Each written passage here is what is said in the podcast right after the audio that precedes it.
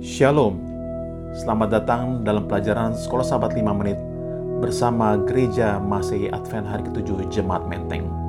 Pelajaran ini dibuat agar jantung kerohanian kita tetap berdetak. Sekarang kita akan mempelajari bagaimana Yesus adalah seorang imam yang kekal. Kalau kita baca di Ibrani 7 ayat 16, dikatakan di sana, Yesus adalah imam yang hidupnya tidak dapat binasa. Yesus ketika datang ke dunia memang sebagai manusia, dan dia sudah mati sebagai domba tebusan. Dan ketika dia bangkit, dia menjadi imam kita, imam yang kekal.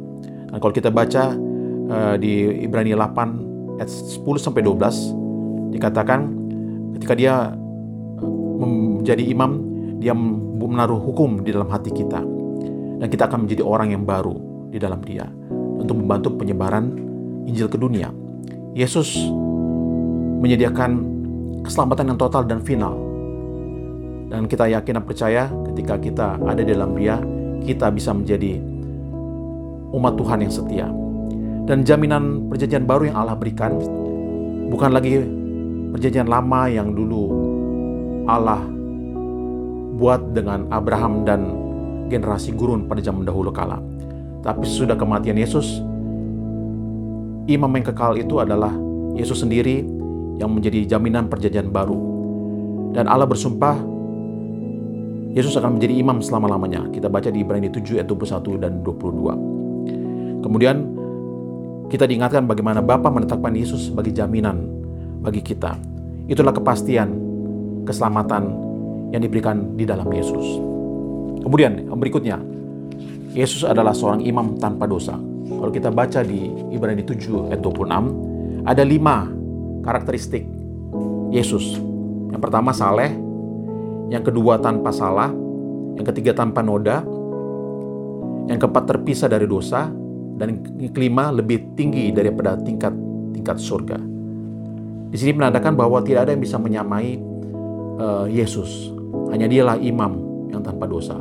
Banyak imam uh, dari zaman Harun sampai zaman uh, Yesus ada imam-imam tapi imam yang sesungguhnya adalah Yesus sendiri karena imam yang tanpa dosa. Kenapa tanpa dosa? Karena Yesus taat dalam kesempurnaan dia. Bagaimana dia bisa taat ketika di dalam dunia ini dia menjadi teladan bagi kita. Kalau kita mengingat bagaimana pencobaan di padang gurun, Yesus dicobai sama seperti kita manusia dicobai.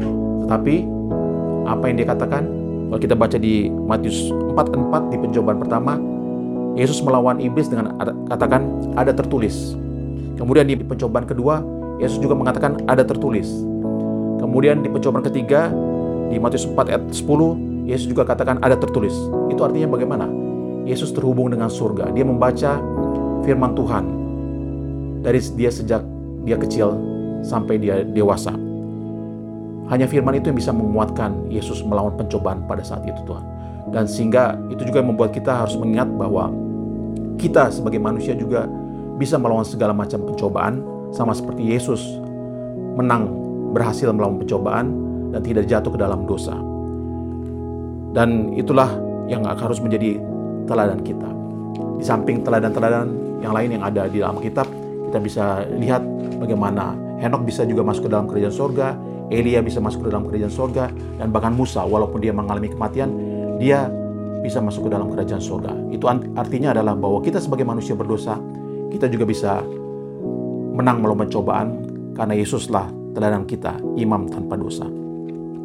Sebagai kesimpulan sepanjang minggu ini, ketika kita baca di Ibrani 2 ayat 11, kita bukan lagi dibilang makhluk tetapi kita sudah disebut kita sebagai saudara.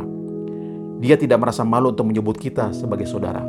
Kita sudah tidak dianggap lagi sebagai makhluk ciptaan, tapi kita adalah saudara Yesus yang sesungguhnya.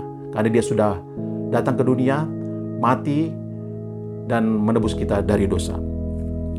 Dan biarlah sepanjang minggu yang sudah kita pelajari ini bagaimana imam kita yang setia yaitu Yesus yang sudah menjadi teladan bagi kita, membuat kita lebih baik hari demi hari dan mau menjadi teladan juga bagi orang sekeliling kita, menjadi garam dunia, terang dunia.